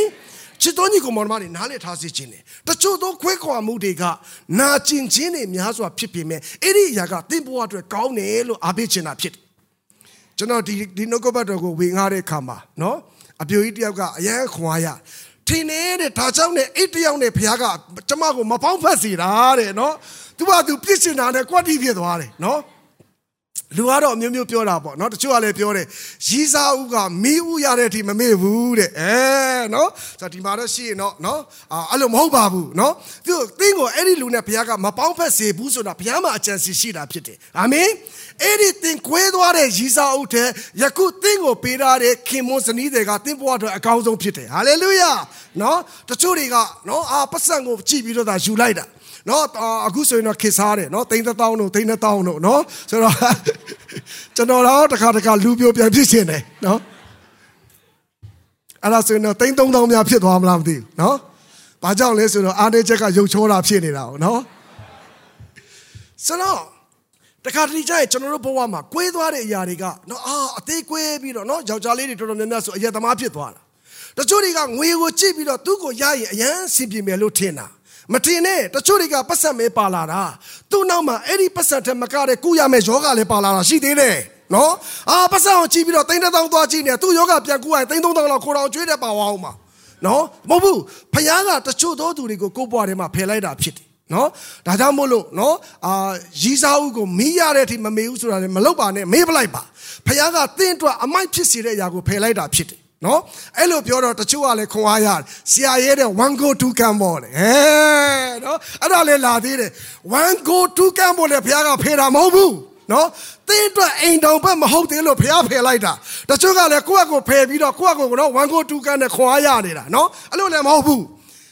တင်းအတွက်မလိုအပ်တဲ့အရာအလုံးကိုဘုရားတည်ကြိုတိတော်ကြောင့်ဖယ်ထားတာဖြစ်တယ် ဒါကြောင့်အာဗြဟံကိုဂတိတော်နဲ့ဆက်ဆိုင်သောဣဇက်ကိုပေးခြင်းတဲ့အတွက်ကြောင့်ဣဇက်အားဖြင့်သာကြီးသောအမှုပြုခြင်းတဲ့အတွက်ကြောင့်ဣရှမေလကိုအာဗြဟံအသက်တာထဲမှာဖယ်လိုက်တယ်ဆိုတော့ကိုကျွန်တော်တို့ပြန်လည်ပြီးတော့သင်ယူရတာဖြစ်ပါတယ်။ဒါကြောင့်ခွဲခွာရခြင်းရဲ့တချို့ရဲ့အနောက်မှာဘုရားရဲ့ကြီးစွာသောကောင်းကြီးမင်္ဂလာရှိတယ်ဆိုတော့ကိုလည်းနားလည်ဖို့ဖြစ်ပါတယ်။ဒီနေ့အဲ့ဒီຢာကိုကျွန်တော်တို့ပြန်ပြီးတော့ကြည့်တဲ့အခါမှာတကယ်ပါ ခွဲခွာရတယ်လို့ပြောတဲ့အခါမှာဘယ်လိုပုံစံနဲ့ပဲခွဲခွာခွဲခွာခွဲခွာခြင်းဆိုတာတော့ခံစားခြင်းနဲ့တိုက်ဆိုင်တာဖြစ်တယ်ခံစားချက်ရှိတာဖြစ်တယ်နော်ခုနကျွန်တော်ပြောသလိုခင်ရတဲ့သူတွေချင်းရတဲ့သူတွေတန်ရောစီရှိရတဲ့သူတွေမိဘဆွေမျိုးညီကိုမောင်နှမကိုလူမျိုးတွေအဲ့ဒီနေရာကနေထွက်ရတယ်ဆိုရင်တော့ဘာပဲဖြစ်ဖြစ်တတိယတာပဲကျွန်တော်တို့ဖြစ်တယ်နော်ဒါကြောင့်ချစ်တော်ညီကိုမောင်နှမတွေ ဒီနေ့သင်ထိုင်းကိုရောက်လာတယ်ဒီနေ့သင်ကိုဖခင်ကလက်ရှိမိသားစုအခြေအနေလုပ်ငန်းပေးထားတဲ့အရာအလုံးဟာဖခင်မှာအကြံစီရှိတယ်ဆိုတာကိုအားပေးချင်တာဖြစ်ပါတယ်လို့ကျွန်တော်ကနိုင်ငံတော်တော်များများကိုသွားတဲ့အခါမှာကျွန်တော်အမြဲတမ်းသင်ယူတာဖြစ်တယ်နိုင်ငံတစ်ခုနဲ့တစ်ခုမတူဘူးဖြစ်တယ်အထူးသဖြင့်ကျွန်တော်တို့မြန်မာပြည်ကလာတော့မြန်မာပြည်ကနေနိုင်ငံခြားကိုရောက်တော့ညီကိုမောင်နှမယုံကြည်သူတွေကိုအထူးအားပေးခြင်းတယ် အဲ့ဒါကတော့ဘာလဲဆိုတော့နိုင်ငံခြားရောက်ရင်တင်ရှိတဲ့နိုင်ငံမှာတင်ယူပါအရင်ရေးကြည့်တာဖြစ်တယ်တချို့တွေကနိုင်ငံခြားသာရောက်တာဗမာပြည်ကအချင်းမပြောက်သေးဘူးတချို့ကနိုင်ငံသားသာရောက်တာဗမာပြည်ကအတွေးခေါ်မပြောင်းသေးဘူးအဲ့ဒီအတွေးခေါ်မပြောင်းမချင်းသင်ဟာကြိုက်တဲ့နိုင်ငံရောက်သင်ဘဝအတွက်ထူးခြားလာမှာမဟုတ်ဘူးဖြစ်တယ်သင်ဘယ်နေရာပဲရောက်ရောက်ဖခင်ရဲ့အလိုတော်အချမ်းစီကိုရှာယူပြီးတော့မှအဲ့ဒီရှိတဲ့နိုင်ငံမှာ သင်ယူတတ်တော်သူဖြစ်ဖို့ရန်အတွက်အရန်အရေးကြီးတာဖြစ်တယ်အထူးသဖြင့်ကျွန်တော်တို့မြန်မာနိုင်ငံသားတွေကဒီနိုင်ငံတစ်ခုကိုရောက်လာတဲ့အခါမှာကျွန်တော်တို့ကဘယ်လိုစဉ်းစားလဲဆိုတော့အများစုကနော်အော်ငါတို့ဗမာပြည်မှာဆင်းရဲခဲ့တယ်ဒီမှာပတ်စံကျုံရှာမယ်နော်ရွာမှာပြန်ပြီးတော့အိမ်ဆောက်မယ်ထော်လာကြီးဝယ်မယ်ကားဝယ်မယ်ပြန်မယ်တထေးလိုလိုပြန်နေမယ်ဆိုတဲ့အဆင့်လောက်ပဲကျွန်တော်တို့စဉ်းစားတာဖြစ်တယ်မဟုတ်ဘူးဖခင်ကတင့်ကိုဒီနေရာကိုပို့တာတာအဲ့ဒီလောက်ပဲမဟုတ်ဘူးအာဗြဟံကိုဖခင်ခေါ်တယ်လို့ပဲ သင်အားဖြင့်လူမျိုးတကာကောင်းကြီးဖြစ်စေမှာဖြစ်တယ်ဟာလေလုယာအဲ့ဒီအရာကသင်ရဲ့ဖခင်ထားတဲ့ရည်ရွယ်ချက်ဆိုတာနားလည်ထားစေခြင်းတယ်ကျွန်တော်ဒီအမေရိကကိုရောက်တဲ့အခါမှာကျွန်တော်ကခရီးလဲသွားတယ်လို့အရန်တင်ယူတက်တဲ့သူဖြစ်တဲ့အတွက်ကြောင့်မို့လို့ကျွန်တော်ဗာမြင်ရလဲဆိုတော့အမေရိကန်နိုင်ငံကတဒေါင်းစားတော်အမေရိကန်နိုင်ငံက homeless တောင်လေသူ့စီမှာတောင်းစားရင်သူပြန်ပေးတယ်တကယ်ပြောတာ လူကတော့ကြည့်လိုက်ရင်မျောလင်းချက်မရှိပါဘူးလမ်းဘေးမှာအိမ်နေရတဲ့သူဖြစ်တယ်သူမဲကျွေးမှစားရတဲ့သူဖြစ်တယ် American homeless တယောက်ကိုပီဇာတစ်ခုသွားပေးတယ်တော့စမ်းကြည့်တာပေါ့နော်ပီဇာတစ်ခုသွားပေးတယ်ပီဇာဆိုတော့အထဲထဲမှာတော့နော်6 slide လောက်တော့ပါတာပေါ့ तू မကုန်နိုင်မှုဖြစ်တယ်လေ तू စားတယ်နှစ်ခုသုံးခုလောက် तू စားပြီးကြံတဲ့အရာမှာနောက်တစ်ယောက်ကဟန်ဆောင်ပြီးသွားတောင်းတာတကယ်ချင်းငါလည်းဖိုက်စားလာတယ်ကွာမင်းမရှိတဲ့ပီဇာကျွေးပါလားဆိုတော့အဲ့ဒီ homeless တရောင်းစား American နိုင်ငံသားဒီကျွေးတယ် ဘာကြောင့်လဲဆိုတော့ तू ပုံနေသောပီဇာဒီဒီတိုင်းထားထားရင်အေးသွားမှာဖြစ်တယ်နောက်ခဲသွားရင်စားလို့မရတော့ဘူးဖြစ်တယ်အဲ့တော့စားတဲ့သူရှိရင်ပေးချင်တာဖြစ်တယ်ဒါပေမဲ့လေကျွန်တော်တို့အေရှားကသွားတဲ့သူတွေအထူးသဖြင့်ကျွန်တော်တို့မြန်မာနိုင်ငံသားတွေစီးတော့တာနောက်ဆုံးပေါ်ကား2023 zero mileage ဒါပေမဲ့လမ်းဘေးမှာစာဖတ်ပြီးတော့လေ free ရရင်အကုန်ယူခြင်းတယ်စီးတော့တာတောင်းကြော်တန်ကား ဝစ်တော့တာတော့ LV8 တို့ဘာလို့ share တယ်ရွှေရလဲဝင်းနေတာပဲဒါပေမဲ့ free ဆိုရင်ကျွန်တော်တို့အကုန်စိတ်ဝင်စားတယ် free ဆိုရင်နောက်ဆုံးလေရေးမစားရင်တော့မှလေအလကားရလို့သွားတော့တယ်ဘာကြောင့်လဲဆိုတော့ free မို့လို့ကျွန်တော်မြန်မာပြည်သားတွေက free ရမ်းကြိုက်တယ်ဒီနေ့ခရိယန်လည်းတော်တော်များများလည်းအလိုပဲကောင်းကြီးကို free လိုချင်တာဖြစ်တယ်ကျွန်တော်ပြပြမယ်ညီကိုမောင်နှမတွေတချို့သောဆူတောင်းချက်တွေလေခရိယန်တွေသေအောင်ဆူတောင်းတာမရဘူး အကြာကြီးနေ့နဲ့ချီပြီးဆူတောင်းတာမရဘူးဘာကြောင့်လဲသိလားတချို့သောဆူတောင်းချက်တွေကဆူတောင်းရုံနဲ့မရဘူးတချို့သောဆူတောင်းချက်တွေဒီမျိုးစင်းနဲ့သွားတာဖြစ်တယ်သင်ဘာမျိုးစင်းမှမကြေတာပဲနဲ့ဆူတောင်းရုံနဲ့မရဘူးမြန်မာပြည်ကခရိယန်တွေက free ဆိုအရင်ကြိုက်တယ်မယုံရင်သင်တန်းတစ်ခုလုပ်ပြီးသင်တန်းကြီးထည့်ကြည့်အောင်မလေး Facebook မှာသင်အောင်နော်ဆွဲတော့တာပဲနော်အမလေးဖခင်ကပေးထားတဲ့ကောင်းကြီးကအလကားရတာကျွန်တော်ပြပြမယ်ကောင်းကြီးအလကားမရတကယ်ပြောတာ ဖခင်ကြီးကကောင်းကြီးအလကားမရဘူးလူတွေကကောင်းကြီးအလကားရတယ်လို့ထင်နေတာအရာအလုံးဒီမျိုးစင်းနဲ့သွားတာဖြစ်တယ်။ချမ်းသာကိုပြတ်ဖက်ကြည့်လိုက်။ဖခင်ကမျိုးစင်းနဲ့အလုံးလုံးတော့ဖခင်ဖြစ်တယ်သင်ဘာမျိုးစေးမှမချေတာပဲနဲ့ဘာမှရှိလို့မရဘူးလူတွေကလေ free အချင်းပါနေတော့လေအလကားမျိုးစီချေပြီးအလကားဆူတောင်းရင်ရမယ်ထင်နေတာတချို့သောဟာတွေရတယ်တချို့သောဟာတွေမရဘူးဆရာကျမယောက်ျားအတွက်ဆူတောင်းနေတာ ဒီကောင်အရက်ပြက်မယ်လို့ထင်နေတာနှစ်30ရှိပြီဆရာအခုတည်းအရက်မပြတ်ဘူးကျွန်တော်ပြောတာရှင်းရှင်းလေးစုပဲတောင်းတာကိုစုလဲတောင်းတယ်ဗမာပြည်သားတွေကစွတ်လဲတောင်းတယ်ဒါပေမဲ့ဘာမျိုးစေးမှမရှိဘူးကျွန်တော်ပြပြတယ်အဲ့ဒီယောက်ျားအတွက်အမမျိုးစစ်ချဲဘူးလားဆရာရဲ့ဖခင်ကဆုတောင်းရင်နားညောင်းတဲ့ဖခင်အလကားပေးပါတယ်အဲလာတာအဲ့ဒီအလကားကိုစောင့်နေသေးယောက်ျားနှစ်90လေးပြောင်းလဲမှာမဟုတ်ဘူးမပြောင်းလဲဘူး ကျွန်တော်ကရင်လူမျိုးတွေဆိုရင်ပူဆိုးသေးတယ်နော်ကရင်တွေပါရင်စိတ်ဆိုးရနဲ့ကရင်တွေကအရင်သစ္စာရှိတယ်အရက်တောင်းရင်လည်းတေတိတိုင်အောင်သစ္စာရှိတာဖြစ်တယ်နော်ကျွန်တော်တွေ့ဘူးတယ်နော်အာဦးလေးတယောက်မချမ်းမာတော့ဘူးသိချင်နေမကောင်းတော့အရက်တော့မတောက်နိုင်တော့ဘူးတဲ့အဲ့ဒါဆိုအတီးပြတ်တော့မှလားပေါ့ဦးလေးပြတ်တော့မှရပါတယ်တဲ့ဘီယာကိုဇွန်းလေးနဲ့ပဲခေါ်နေနော်စေးတာမျိုးချလို့မရတာဘီယာကိုဇွန်းနဲ့ခွန်းလို့ရသေးတယ်ဇလုံနဲ့မျိုးလို့ရသေးတယ်နော်အဲ့ဒီလောက်ထိသစ္စာရှိအောင်သွားတာ ဘာကြောင့်မပြတ်တာလဲဆိုတော့မျိုးစေ့မရှိလို့ဖြစ်တယ်တချို့သောကျမ်းမာခြင်းတွေတချို့သောကောင်းကြီးမင်္ဂလာတွေတချို့သောဒီဟိုနေမောနော်ဘုရားပေးခြင်းတဲ့မင်္ဂလာတွေဘာကြောင့်မရတာလဲဆိုတော့မျိုးစေ့မရှိလို့ဟုတ်ပြီတရားလေးကိုအိမ်မှာခဏထားထားမယ်နော်နှုတ်မဆိုတရားဟောချက်နောက်တစ်ခုဖြစ်သွားအောင်မယ်ဒါကြောင့်ချစ်တော်ညီကိုမောင်တို့အားအားပေးခြင်းတယ်ဒီနေ့ကျွန်တော်တို့ ဖယားရဲ့အတန်ကိုကြားပြီးတော့ဖယားလှုပ်စေခြင်းတဲ့အရာဖယားခိုင်းတဲ့အရာကိုမြင်တတ်ဖို့ရန်အတွက်အရင်အရေးကြီးတာဖြစ်တယ်အာဗြဟံရဲ့အသက်တာထဲမှာအာဗြဟံရဲ့အသက်တာထဲမှာအမျိုးမျိုးလူတွေနဲ့ခွဲခဲ့ရတာဖြစ်တယ်အချင်းချင်းချစ်တဲ့သူတွေနဲ့ခွဲခဲ့ရတာဖြစ်တယ်အချင်းချင်းတော့သူ့ရဲ့နှလုံးသားတွေနာကျင်ခဲ့ရတာဖြစ်တယ်ဒါပေမဲ့အဲ့ဒီနာကျင်ခြင်းတွေထဲမှာဖခင်ကအာဗြဟံကိုဘေးစာမွေးပွဲဘေးအစ်စ်မဲ့စစ်လိုက်စစ်လိုက် အမတ်တရားအပြည့်နဲ့အာဗြဟံဒီအမြဲတမ်းဖခင်ရှိမှဂုံတူးထွက်တော်သူဖြစ်တယ်အာမင်ဘာကြောင့်လဲဆိုတော့သူ့ရဲ့ခံစားချက်ထက်ဖခင်ရဲ့အတန်ကိုနားထောင်တာဖြစ်တယ်သူရဲ့လှုပ်ခြင်းနဲ့ဆန္ဒတဲ့ဖခင်လှုပ်ခိုင်းတဲ့အရာကိုလှုပ်တာဖြစ်တယ်။ तू သွားခြင်းတဲ့နေရာထက်ဖခင်သွားခိုင်းတဲ့နေရာကိုသွားတာဖြစ်တယ်။ तू ပြောခြင်းတဲ့အရာထက်ဖခင်ပြောခိုင်းတဲ့အရာကိုပြောတာဖြစ်တယ်။ဒါကြောင့်အာဗြဟံကိုယုံကြည်ခြင်းရဲ့ဖခင်လို့ကျမ်းစာမှာမှတ်တမ်းတင်တာဖြစ်တယ်။ဟာလေလုယာ။ သင်တို့လည်းစုံစမ်းခြင်းလာတဲ့အခါမှာဖခင်စစ်ဆေးခြင်းလာတဲ့အခါမှာစာမွေးပွဲအောင်တတ်တော်သူဖြစ်ပါစေ။တချို့သောအခက်အခဲတွေဒီကျွန်တော်တို့ခရိယန်တွေကဒီလိုစဉ်းစားတယ်ငငယ်တွေကပြဿနာဆိုအလုံးစာတန်ကြီးပဲနော်တခုခုမဖြစ်လိုက်တဲ့စာတန်ပဲဆရာဟိုကောင်တော့လှုပ်ပြီဟိုကောင်တော့လှုပ်ပြီနော်တစ်ခေါက်ကကျွန်တော်သင်တန်းလုပ်တဲ့အခါမှာဟိုဟာပေါ့စပီကာကိုပလက်မတတ်ထားဘူး ပလက်မတော့ပထမရက်တော့ပေါ့နော်သူတို့ဒီ sound test လုပ်တဲ့ခါမှာပလက်တတ်ထားတယ်နောက်နေ့ကျဘယ်ကလေးကစော့ရင်းနဲ့ခလုတ်တိုက်မိလဲမသိဘူး speaker ပလက်ပြုတ်နေတာစာနဲ့စာ speaker အတမမီဘူးအဲ့တော့ဆရာဘာဆိုတော့လဲဆရာဟိုကောင်တော့အလုတ်လုတ်ပြီဟိုကောင်တော့အလုတ်လုတ်ပြီဘယ်ကောင်လဲဆရာစာတန်မော့ဆရာရဲ့ဘယ်ကောင်ရှိရမှာထင်နေမနဲ့အဲ့ရနိုးရီကတင်တန်းလုံးမယ်ဆိုတော့အောက်မြက်ခံလုံနေတာဒီကောင်ကြောင့်နော် ဟာကြီးကျယ်ဆရာရဲ့အဲ့ဒါဆိုရင်တော့ဟုတ်ပါပြီဆရာဘာဖြစ်တာလဲစောင်းပုတ်တွေမလာဘူးဆရာဆရာနင်းနေလေးတွားကြည့်ပါဦးမဟုတ်ဘူးဆရာမနေ့ကအားလုံးအကောင်အဲ့နဲ့ကျွန်တော်တစ်ချက်တွားကြည့်တဲ့အခါမှာတို့ရဲ့ main speaker ဒီ plug ကြီးကပြုတ်နေတာဖြစ်တယ်ဆရာရဲ့ဒီမှာပလက်ပြုတ်နေတာလေထင်တယ်အဲ့ဒါဟိုကောင်ပဲဖြုတ်သွားတာနေပါတဲ့နော်ကောင်းတယ်လေစာရလဲခရိယာတွေကိုကြည့်ပြီးတော့စိတ်နာပါနော်ငါမလုံလဲနဲ့တို့ဆွဆွဲတယ်ဆိုပြီးတော့နော်တချို့သောစာမွေပွဲတွေကလေဖျားစီကလာတာဖြစ်တယ် ဘာကြောင့်လဲသိလားတင့်ကို next level သွားစေချင်တာဖြစ်တယ်ခရိယာတွေကလေကောင်းချီးပဲတောင်းချင်တာစာမွေပွဲဆိုမဖြေချင်ဘူးသင်စာမွေပွဲမဖြေမရှိသင်ဘယ်တော့မှစာမွေပွဲအောင်မှာမဟုတ်ဘူးဖြစ်တယ်ကျွန်တော်ပြပြမယ်ဝိညာဉ်ရေးရမှာတာ၍ရင့်ကျက်ခြင်းရလေစာမွေးပွဲများစွာကိုဖြေဖို့အရန်ရေးကြည့်တာဖြစ်တယ်နောက်တစ်ခုထပ်ပြောပြမယ်နော် သင်ရဲ့ဝိညာဉ်ကောင်းဆောင်တွေဒီနေ့ဖျားချီးမြှောက်တယ်ဆိုတာလေရိုးရိုးချီးမြှောက်တာမဟုတ်ဘူးများစွာသောအဖိုးအခါနဲ့များစွာသောစာမွေးပွဲတွေကိုသူတို့ဖြေခဲ့တာဖြစ်တယ်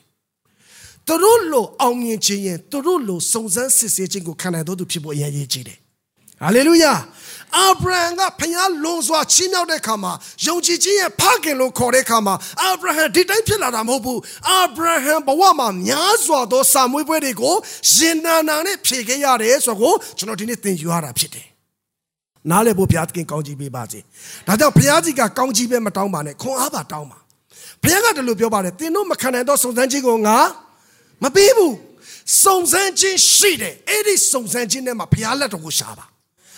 စုံစမ်းခြင်းရှိတယ်စုံစမ်းခြင်းနဲ့မှဖျားတဲ့အတူဖြတ်ကျော်ပါစုံစမ်းခြင်းရှိတယ်စုံစမ်းခြင်းနဲ့မှဖျားရဲ့နှုတ်ကပတ်တော်ကိုဆွဲလန်းပါအဲ့ဒီဟာဆိုရင်အဲ့ဒီစုံစမ်းခြင်းတွေကနေသင်အောင်မြင်မှာဖြစ်တယ်ဒီနေ့ကျွန်တော်အမှုတော်ဆောင်ရှစ်နှစ်တတမှာဘုရားကအံ့ဩဖွယ်ရချီးမြှောက်တာဖြစ်တယ်တချို့နှစ်20လောက်အမှုတော်ဆောင်တဲ့သူတွေကကျွန်တော်ထင်တယ်ဟာဆရာမိုးစက်ကမြန်မြန်လေးတက်လာတယ်အဲ့ဒီမြန်မြန်တက်ဖို့ရအတွက်များစွာသောဆောင်မွေးပွဲတွေကိုကျွန်တော်ဖြေရတယ်အဲ့ဒီလိုပြောလို့ကျွန်တော်အကုန်လုံးအောင်မြင်တာမဟုတ်ဘူးကျွန်တော်လေးခဲ့တဲ့အရာတွေလည်းကျွန်တော်အများကြီးရှိတယ် ကျွန်တော်မအောင်မြင်သေးတဲ့ကျွန်တော်ရဲ့တော့ဒီ subject တွေလည်းကျွန်တော်မှအများကြီးရှိတာဖြစ်တယ်ဒါပေမဲ့နေ့တိုင်းမှာဖျားနဲ့တိုးဝင်ပြီးတော့မှအောင်မြင်နိုင်ဖို့ရန်အတွက်ကျွန်တော်တို့ဝင်ခံရတာဖြစ်တယ်ဘာကြောင့်လဲဆိုတော့သခင်ရဲ့ဂျေဇုတော်ဟာကျွန်တော်တို့အတွက်နေ့တိုင်းလုံလောက်တာဖြစ်တယ်ဟာလေလုယာအဲ့ဒီသခင်ရဲ့ဂျေဇုတော်ကိုနားလည်ပြီးသင်ဟာဝင်ခံအသက်ရှင်နေရင်တန်ရှင်သောဝိညာဉ်တော်နဲ့မိသားရဖွဲ့ပြီးဝိညာဉ်တော်သင်အထေတွေကလုံရင်သင်ဟာကြုံလာသမျှစုံစမ်းစစ်ဆေးခြင်းကိုအောင်မြင်မှာဖြစ်တယ်လို့အားပေးချင်တာဖြစ်တယ် များစွာသောခရိယန်တွေသည်တန်ရှင်းသောဝိညာဉ်တော်ကိုသိတယ်။ဒါပေမဲ့များစွာသောခရိယန်တွေသည်တန်ရှင်းသောဝိညာဉ်တော်ကိုအခွင့်မပေးဘူးဖြစ်တယ်။ကျွန်တော်ပြောပြမယ်ဝိညာဉ်တော်အကြောင်းသင်ကြိုက်တဲ့လောက်သိအဲ့ဒီဝိညာဉ်တော်ကသင်အထဲကအလုံးမလုံးရင်ဘာနဲ့တူလဲဆိုတော့စင်ကက်မရှိတဲ့ဖုန်းလိုပဲတန်ဖိုးတော့ကြီးပေမဲ့ဘာမှခေါ်လို့မရဘူး activate လုပ်လို့မရဘူးဖြစ်တယ်။ အဲ့ဒီ sim card ကိုထည့်ပြီးတော့ activate လုပ်လိုက်တယ်ဆိုရင်သင်ဖုန်းခေါ်မလား Facebook သုံးမလား TikTok ဆော့မလားသင် email ပို့မလား channel အားလုံးလုပ်လို့ရတယ်အဲ့ဒီလိုပဲသင်ရဲ့အသက်တာထဲမှာတန်ရှင်းသောဝိညာဉ်တော် activate ဖြစ်လာပြီဆိုရင်တန်ရှင်းသောဝိညာဉ်တော်ကိုအခွင့်ပေးလာပြီဆိုရင်ဝိညာဉ်တော်ကကြီးမားစွာကြီးသောအမှုကိုပြုလာပြီဆိုရင်သင်ဟာထူးခြားသောသူဖြစ်လာမှာဖြစ်တယ်ဟာလေလုယာ ဒါကြောင့်ချစ်တော်ညီကိုမောင်နှမတွေမိယောဖလာခရိယန်နဲ့ပဲအသက်မရှင်ကြစို့နဲ့ကဲတင်ချင်းလောက်နဲ့ပဲမရက်သွားသောနဲ့သင်ဒီဒီနေ့ရှိတဲ့နေရာမှာထူးခြားသောသူဖြစ်ဖို့အရေးကြီးတယ်ဟာလေလုယာအဲ့ဒီအသက်တာနဲ့အသက်ရှင်ပါ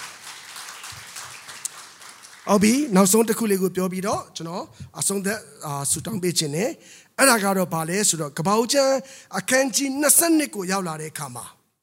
အာဗြဟံအတွက်နော်အာစာမှုပွဲတစ်ခုကိုသူကြုံတွေ့ရတာဖြစ်တယ်ကျွန်တော်တို့အားလုံးသိပါတယ်နော်ကျွန်တော်လေးဖတ်ပြခြင်းနဲ့တင်းတဲ့နှစ်လောက်ကိုပေါ့နော်ထို့နောက်မှာဘုရားသခင်သည်အာဗြဟံကိုစုံစမ်းခြင်းကအာဗြဟံဟုခေါ်တော်မူ၍အာဗြဟံကအကျွန်ုပ်ရှိပါသည်ဟုရှောက်လျင်သင်သည်အလွန်ချစ်သောတယောက်သေးသောသားဣဇက်ကိုယူ၍မောရိပီသို့သွားလောငါပြလက်တန်သောတောင်ပေါ်မှာသူ့ကိုမိရှုရာ၍ပြုတ်၍ပူဇော်လောဟုမိန့်တော်မူတယ်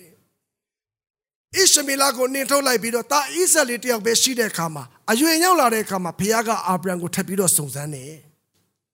အာဗြဟံတင်းရဲ့တူရီသောအချစ်ဆုံးသောတာဣဇက်ကိုယူပြီးတော့ငါကိုရစ်ပူစောပါတကယ်ခက်တဲ့အရာဖြစ်တယ်တခါတလေကျွန်တော်တို့ဘဝမှာကျွန်တော်တို့အယမ်းနဲ့တက်တဲ့အရာကျွန်တော်တို့အယမ်းကြိုက်တဲ့အရာကျွန်တော်တို့စွဲလဲတဲ့အရာတစ်ခုကို ဖျားကိုပေးဖို့မပြောနဲ့လူကိုပေးဖို့တော့မဖြစ်နိုင်ဘူးတချို့အင်းကြီးတွေကလေမဝတ်တာစင်နေရှိပြီကိုကလည်းခန္ဓာကိုယ်ကလည်းဖွံ့ဖြိုးလာတော့ကိုယ့်ရဲ့တချမ်းတော်မရှိတော့စွတ်လည်းမတော်တော့ဘူးဒါပေမဲ့ဘယ်သူမှမပေးခြင်းဘူးဘာလို့အရန်ကြိုက်ခဲ့တာအေးအင်းကြီးလေးဝတ်တုံးကကောင်မလေးတွေကအရန်မိုက်တယ်လို့ပြောခဲ့တော့နော်အခုတည်းသိမ်းထားတာတကယ်တော့စွန့်ရင်လက်မောင်းတစ်ဖက်တော့မဝင်တော့ဘူးဒါပေမဲ့သိမ်းထားတော့မယ်သိမ်းထားတော့မယ် အယက်နှစ်သက်တာကိုဒီနေ့အာဗြဟံကိုဘုရားကတူရီသောတာအချစ်ဆုံးသောတာဣဇက်ကိုရစ်ပူဇော်ဖို့တောင်းတဲ့အခါမှာကျွန်တော်တို့သာဆိုရင် complaint တက်မှာကိုတော်ရဲ့ရက်ဆက်လိုက်တာအရင်တုန်းကလေဣရှမေလရှိတော့ကနှစ်ယောက်ဆိုတစ်ယောက်တောင်းတာမကိစ္စဘူးအခုဟိုကောင်းကိုလည်းနေထုတ်ခိုင်းတယ်အခုတယောက်တည်းကြံကမှထပ်တောင်းတယ်ကိုတော့မတရားဘူးလို့ကျွန်တော်တို့ပြောနိုင်တယ်ဒါပေမဲ့အာဗြဟံကောင်းကောင်းသိတယ် ဖျားသည်မခံနိုင်သောစုံစမ်းခြင်းကိုမပေးဘူးဖြစ်တယ်ဖျားသည်တောင်းလျင်ပေးတယ်ပေးလျင်ထည့်၍ပေးတော်သူဖြစ်တယ်ဆိုတာအာဗြဟံကောင်းကောင်းသိတာဖြစ်တယ်အဲ့တော့ဖျားပြောတဲ့အချိန်မှာသူ့ရဲ့သားဣဇက်ကိုခေါ်ပြီးတော့မှကျွန်နှစ်ယောက်နဲ့သွားတယ်သုံးရက်ခီးသွားပြီးတော့အဲ့ဒီရစ်ပူစရာမဲ့တောင်ရောက်တဲ့အခါမှာဖျားစကားရောက်လာတယ်အာဗြဟံမင်းနဲ့မင်းသားနဲ့တောင်ပေါ်တက်ကျွန်နှစ်ယောက်ကိုထားခဲ့ အာဗြဟံကဂျုံနီယာကိုထားခဲ့တယ်မြီးတွေထားခဲ့တယ်သူစီမှာမြီးတဲ့နော်ဒီဟိုနေကိုယူတယ်အာပြီးရင်သူ့ရဲ့သားကိုထင်းကိုထမ်းခိုင်းတယ်ပြီးတော့မှသူတို့နော်အာအာဗြဟံကမီးနဲ့ဓားကိုယူတယ်ဣဇက်ကထင်းကိုထမ်းပြီးတက်ရတယ်ဂျုံနှစ်ယောက်ကိုထားခဲ့တယ်ကျွန်တော်တို့အားလုံးသိပါတယ်ဒီအဖြစ်ဖြစ်လေးဒါပေမဲ့ဘုရားကကျွန်တော်ကိုတခုနားလဲစေတယ်ဘာကြောင့်အဲ့ဂျုံနှစ်ယောက်ကိုဘုရားကအာဗြဟံကိုထားခဲ့စေတာလဲ ဘုရားမှာအကြောင်းရင်းရှိတယ်။တောင်ပေါ်ကိုရောက်သွားတဲ့အခါမှာအာဗြဟံကအိဇက်ကိုထင်းပုံပေါ်ကိုတင်ပြီးတော့ရစ်ပူဇော်ပြီးတော့မှဓားကိုထုတ်ပြီးရစ်ပူဇော်ဖို့လုပ်တဲ့အခါမှာဘုရားကစကားပြောတယ်အာဗြဟံသူငယ်ကိုမထိနဲ့တကယ်လို့များအဲ့ဒီကျွန်နှစ်ယောက်သာပါရင်အာဗြဟံရစ်ပူဇော်ခွင့်ရမှာမဟုတ်ဘူး။ဘာကြောင့်လဲကိုတော့ဒီသားလေးတယောက်တည်းရှိတာကိုကိုတော့လုံးရက်တယ်နော် ဖခင်တောင်းတာဟုတ်ရဲ့လားပြန်ဆုတောင်းကြည့်ရောဖခင်တောင်းတာဖြစ်ချင်မှဖြစ်မှာဆိုပြီးအာဗြဟံကိုဆွဲမှသေးကြတယ်ဒါကြောင့်ဖခင်ကကျွန်နှစ်ယောက်ကိုတောင်းအောင်မထားခဲ့တာဖြစ်တယ်ဒါပေမဲ့အာဗြဟံကထားခဲ့တဲ့အချိန်တွေကသူဒီယုံကြည်ခြင်းဖခင်ခေါ်ထိုက်တော့ယုံကြည်ခြင်းရှိတော်သူဖြစ်တယ်ကျွန်နှစ်ယောက်ကိုဗာပြောလဲဆိုတော့ငါတို့တောင်းပေါ်တက်မယ်ရစ်ပူဇော်မယ်ပြီးရင်ငါနဲ့ငါသားပြန်လာခဲ့မယ် ဟာလေလုယာသူသိတယ်ဖခင်ပေးထားသောအရာကဖခင်ဘယ်တော့မှလွယ်လွယ်နဲ့မယုံသိမ်းဘူးဖြစ်တယ်ဖခင်ကတာရိကောင်းဖို့ရန်အတွက်အမှုပြုမယ်ဆိုတာအာဗြဟံယုံတာဖြစ်တယ်ဒါကြောင့်ကျွန်နေရကိုထားခဲ့ပြီးတောင်ပေါ်တက်တဲ့အခါမှာသူ့ရဲ့လှုပ်ဆောင်ရမယ့်အရာအလုံးကိုလှုပ်ဆောင်ခွင့်ရတယ်လို့တောင်ပေါ်မှာလည်းအံ့ဩဖွယ်ရာတာဣဇက်ကိုရစ်ပူဇော်ဖို့လုပ်တဲ့အခါမှာဖခင်ကတားပြီးတော့မှခြုံမှာဂျုံညိနေတဲ့ရစ်ကောင်ကိုရစ်ပူဇော်ပြီးတော့မှဖခင်ရဲ့ဂယုဏ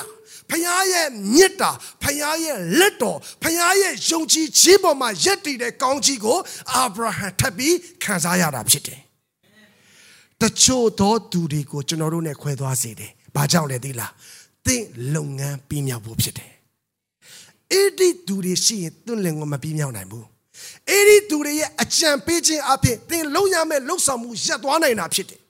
အဲ့ဒီသူတွေရဲ့ယုံကြည်ခြင်းအားနည်းခြင်းကြောင့်သင်ရဲ့လှုပ်ဆောင်ခြင်းတွေကပြတ်သားသွားနိုင်တာဖြစ်တယ်။ဒါကြောင့်တချို့သောလုတ်ဖို့ဆောင်ဘက်တချို့သောသူတွေနဲ့ဖခင်ကသင်ကိုခဏတာခွဲစေတာဖြစ်တယ်။ဘာကြောင့်လဲတင့်ကိုဖျားစေခိုင်းသောအမှုပြီးမြောက်ဖို့ဖြစ်တယ်ဆိုတော့ဒီနေ့ကျမ်းစာအဖြစ်ကျွန်တော်ပြင်မြင်ရတာဖြစ်ပါတယ်ဟာလေလုယာဒါကြောင့်အာဗြဟံသည်မိဘမိသားစုနဲ့ခွဲခဲ့ရတယ်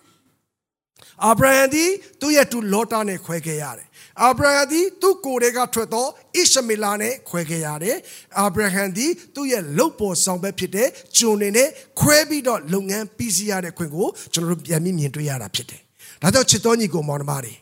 သင်ရဲ့ဘဝမှာယနေ့သင်ရှိတဲ့နေရာကနေအသက်ရှင်သောဘုရားကိုခေါ်ကြရအောင်ဟာလေလုယာသင်လက်ရှိရှိနေသောအရာဒီအကောင်းဆုံးဖြစ်တယ်တချို့တွေကဒီလိုစဉ်းစားရတယ်တတိယနိုင်ငံခုတတိမရောက်သေးဘူးကွာ တတိယနိုင်ငံသင်ကိုဘုရားပို့လို့မရသေးတာဘုရားသိတယ်ဘာကြောင့်လဲတလားတချို့တွေထိုင်းမှာအရန်ကောင်းစားတော်ပြီးမှတတိယနိုင်ငံရောက်မှပျက်စီးသွားတဲ့သူတွေအများကြီးရှိတယ်သင်အဲ့ဒီ level မရောက်မချင်းသင်ကိုဘုရားတတိယနိုင်ငံပို့လို့မရသေးဘူးဖျားပို့ချင်ရင်လေအရန်လွယ်တယ်ဒါပေမဲ့သင်ရဲ့စီမှာဖျားစိတ်ချမှုတစ်ခုမရောက်သေးလို့တချို့သောနေပယ်တွေကိုသင်မဝင်ရသေးတာဖြစ်တယ်တချို့သောကောင်းကြီးမင်္ဂလာကိုသင်က ခံစားခြင်းပေမဲ့သင်ခံစားဖို့ရအတွက်လိုနေသေးလို့အဲ့ဒီကောင်းကြီးမင်္ဂလာကိုဖျားမပေးသေးတာဖြစ်တယ်နားလေဖို့ဖျားသခင်ကောင်းကြီးပေးပါစေဒါကြောင့်ဘဝမှာခွဲခွာသွားရတဲ့အရာအလုံးဟာအချင်းနေမဟုတ်ပါဘူးတင့်ကိုဖျားကြီးတော်အမှုပြုခြင်းနဲ့ဆိုတာကိုအားပေးခြင်းတာဖြစ်ပါတယ်ဟာလေလုယာဒါကြောင့်မို့လို့ခွေးသွားပါစေလို့ဝမ်းမရောက်ဖို့လည်းမဟုတ်သလိုခွေးသွားလို့လည်းဝမ်းမနေပါနဲ့ဒီနေ့ တင့်ကိုဖခင်ကအရှိရှိတိုင်းသူ့ရှိကိုလာစေခြင်းနဲ့ဒီနေ့သင်ရဲ့အရှိရှိတိုင်းဖခင်တင့်ကိုအသုံးပြုခြင်းတာဖြစ်တယ်ဒီနေ့သင်ရဲ့အရှိရှိတိုင်းကိုးကွယ်တာကိုဖခင်နှစ်သက်တယ်ဒီနေ့သင်အရှိရှိတိုင်းဖခင်ရှေ့မှာတိုးရှိုးတောင်းပန်တာကိုဖခင်ကျေနပ်စေဆိုကိုဒီနေ့အားပေးခြင်းတာဖြစ်တယ်ဒါကြောင့်ချစ်တော်ညီကိုမောင်နှမတွေလောကမှာခွဲခွာရခြင်းရဲ့အရာအလုံးဟာဖခင်ရဲ့အကြံစီဖြစ်တဲ့ဆိုကိုကျွန်တော်နားလည်သွားတဲ့အခါမှာဖခင်ကိုအလုံးမဲ့ကျေးဇူးတင်တာဖြစ်တယ်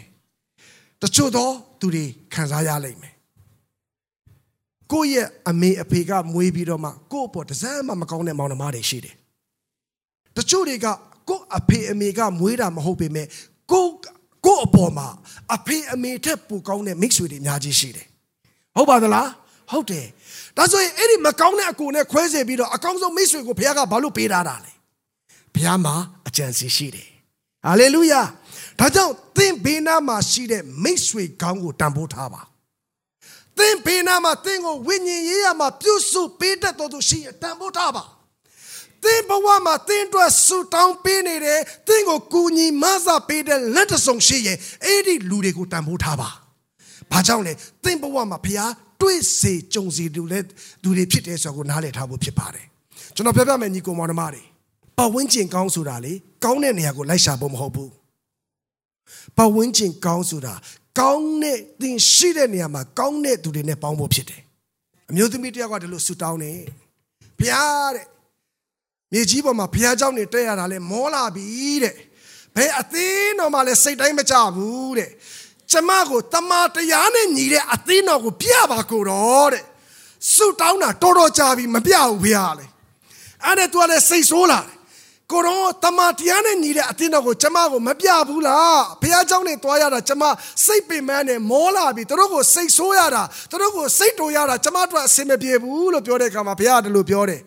တမန်တရားနဲ့ညီတဲ့အသင်းတော်တွေအများကြီးရှိပါတယ်တဲ့နင့်ကိုပြလို့မဖြစ်ဘူးတဲ့နင်သာသွားတက်ရင်အဲ့ဒီအသင်းတော်ကတမန်တရားနဲ့မညီတော့မှာမို့လို့တဲ့နော်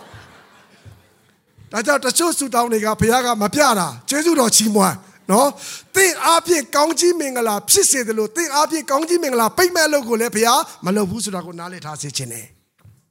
ချစ်တော်ညီကိုမောင်နှမတွေဒီနေ့သင်ရဲ့အသက်ရှင်ခြင်းဟာတန်ဖိုးရှိသောအသက်ရှင်ခြင်းဖြစ်ပါစေ။သင်ရဲ့အသက်ရှင်ခြင်းထဲမှာဖခင်ရဲ့အလိုတော်နဲ့အကြံစီကိုသိပြီးအသက်ရှင်စေတတ်တော်သူဖြစ်ပါစေ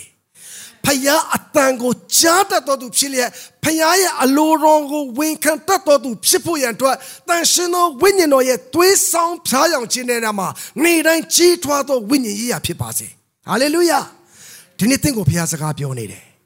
ဒီနေ့ဒီနေ့မှာကျွန်တော်ခံစားရတယ်တချို့သောသူတွေလမ်းပြောင်းနေတယ်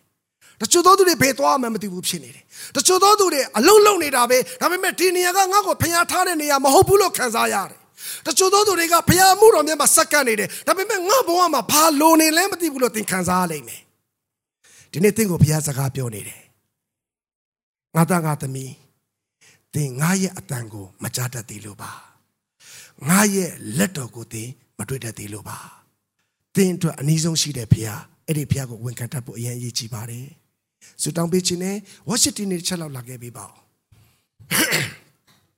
ချစ်တော်ညီကောင်မတော်တွေ ဒီနေ့သင်ဘဝမှာလမ်းပြောင်းနေတယ်ဆိုရင်ဒီနေ့သင်ဘဝမှာမျောလင်းချက်မင်းနေတယ်ဆိုရင်သင်ဘဝမှာသင်ရင်ဆိုင်ကြုံတွေ့နေရတဲ့အရာတွေကသင်အတွက်သိပြီးခက်ခဲလို့နဲ့ကြမ်းတမ်းလို့နဲ့ဆိုရင်သင်ဘဝအနာဂတ်အတွက်ဘာဆက်လုပ်ရမလဲလို့မသိဘူးတဲ့သူတွေရှိခဲ့ရင်ဒီနေ့ကိုရောပေးထားတဲ့နော်ဒီဒီစုံဘက်ပေးထားတဲ့နော်ဒီချစ်သူရီစားကလည်းကျွန်တော်ကျမအတွက်စစ်မှန်တော့အိမ်တော်ဘက်ဟုတ်ရဲ့လားလို့ဇဝေဇဝါနဲ့တန်ဝေကဖြစ်နေတဲ့သူတွေမယုံမကြည်ဖြစ်နေတဲ့သူတွေ ဘာဆက်လို့လို့လောက်ရမှမသိတဲ့သူတွေလုပ်ငန်းလုပ်ရင်ကောင်းမလားလုပ်ငန်းမလုပ်မလုပ်ရဘူးလားဆိုတဲ့အရာကိုကျွန်တော်တို့ဝေခွဲမရတဲ့သူတွေတနည်းအားဖြင့်ပြောရရင်သင်ရဲ့အနာဂတ်အတွက်လုံလုံလမ်းပြောင်းနေသောသူတွေအတွက်အထူးဆုတောင်းပေးခြင်းတယ်ကျွန်တော်အားလုံးမတည့်ရလေမျက်မှောက်တော်ကိုပြန်တိုးဝင်ကြရအောင်ဒီနေ့နှုတ်ကပတော်ကဘုရားသင်ကိုစကားပြောနေတာဖြစ်တယ်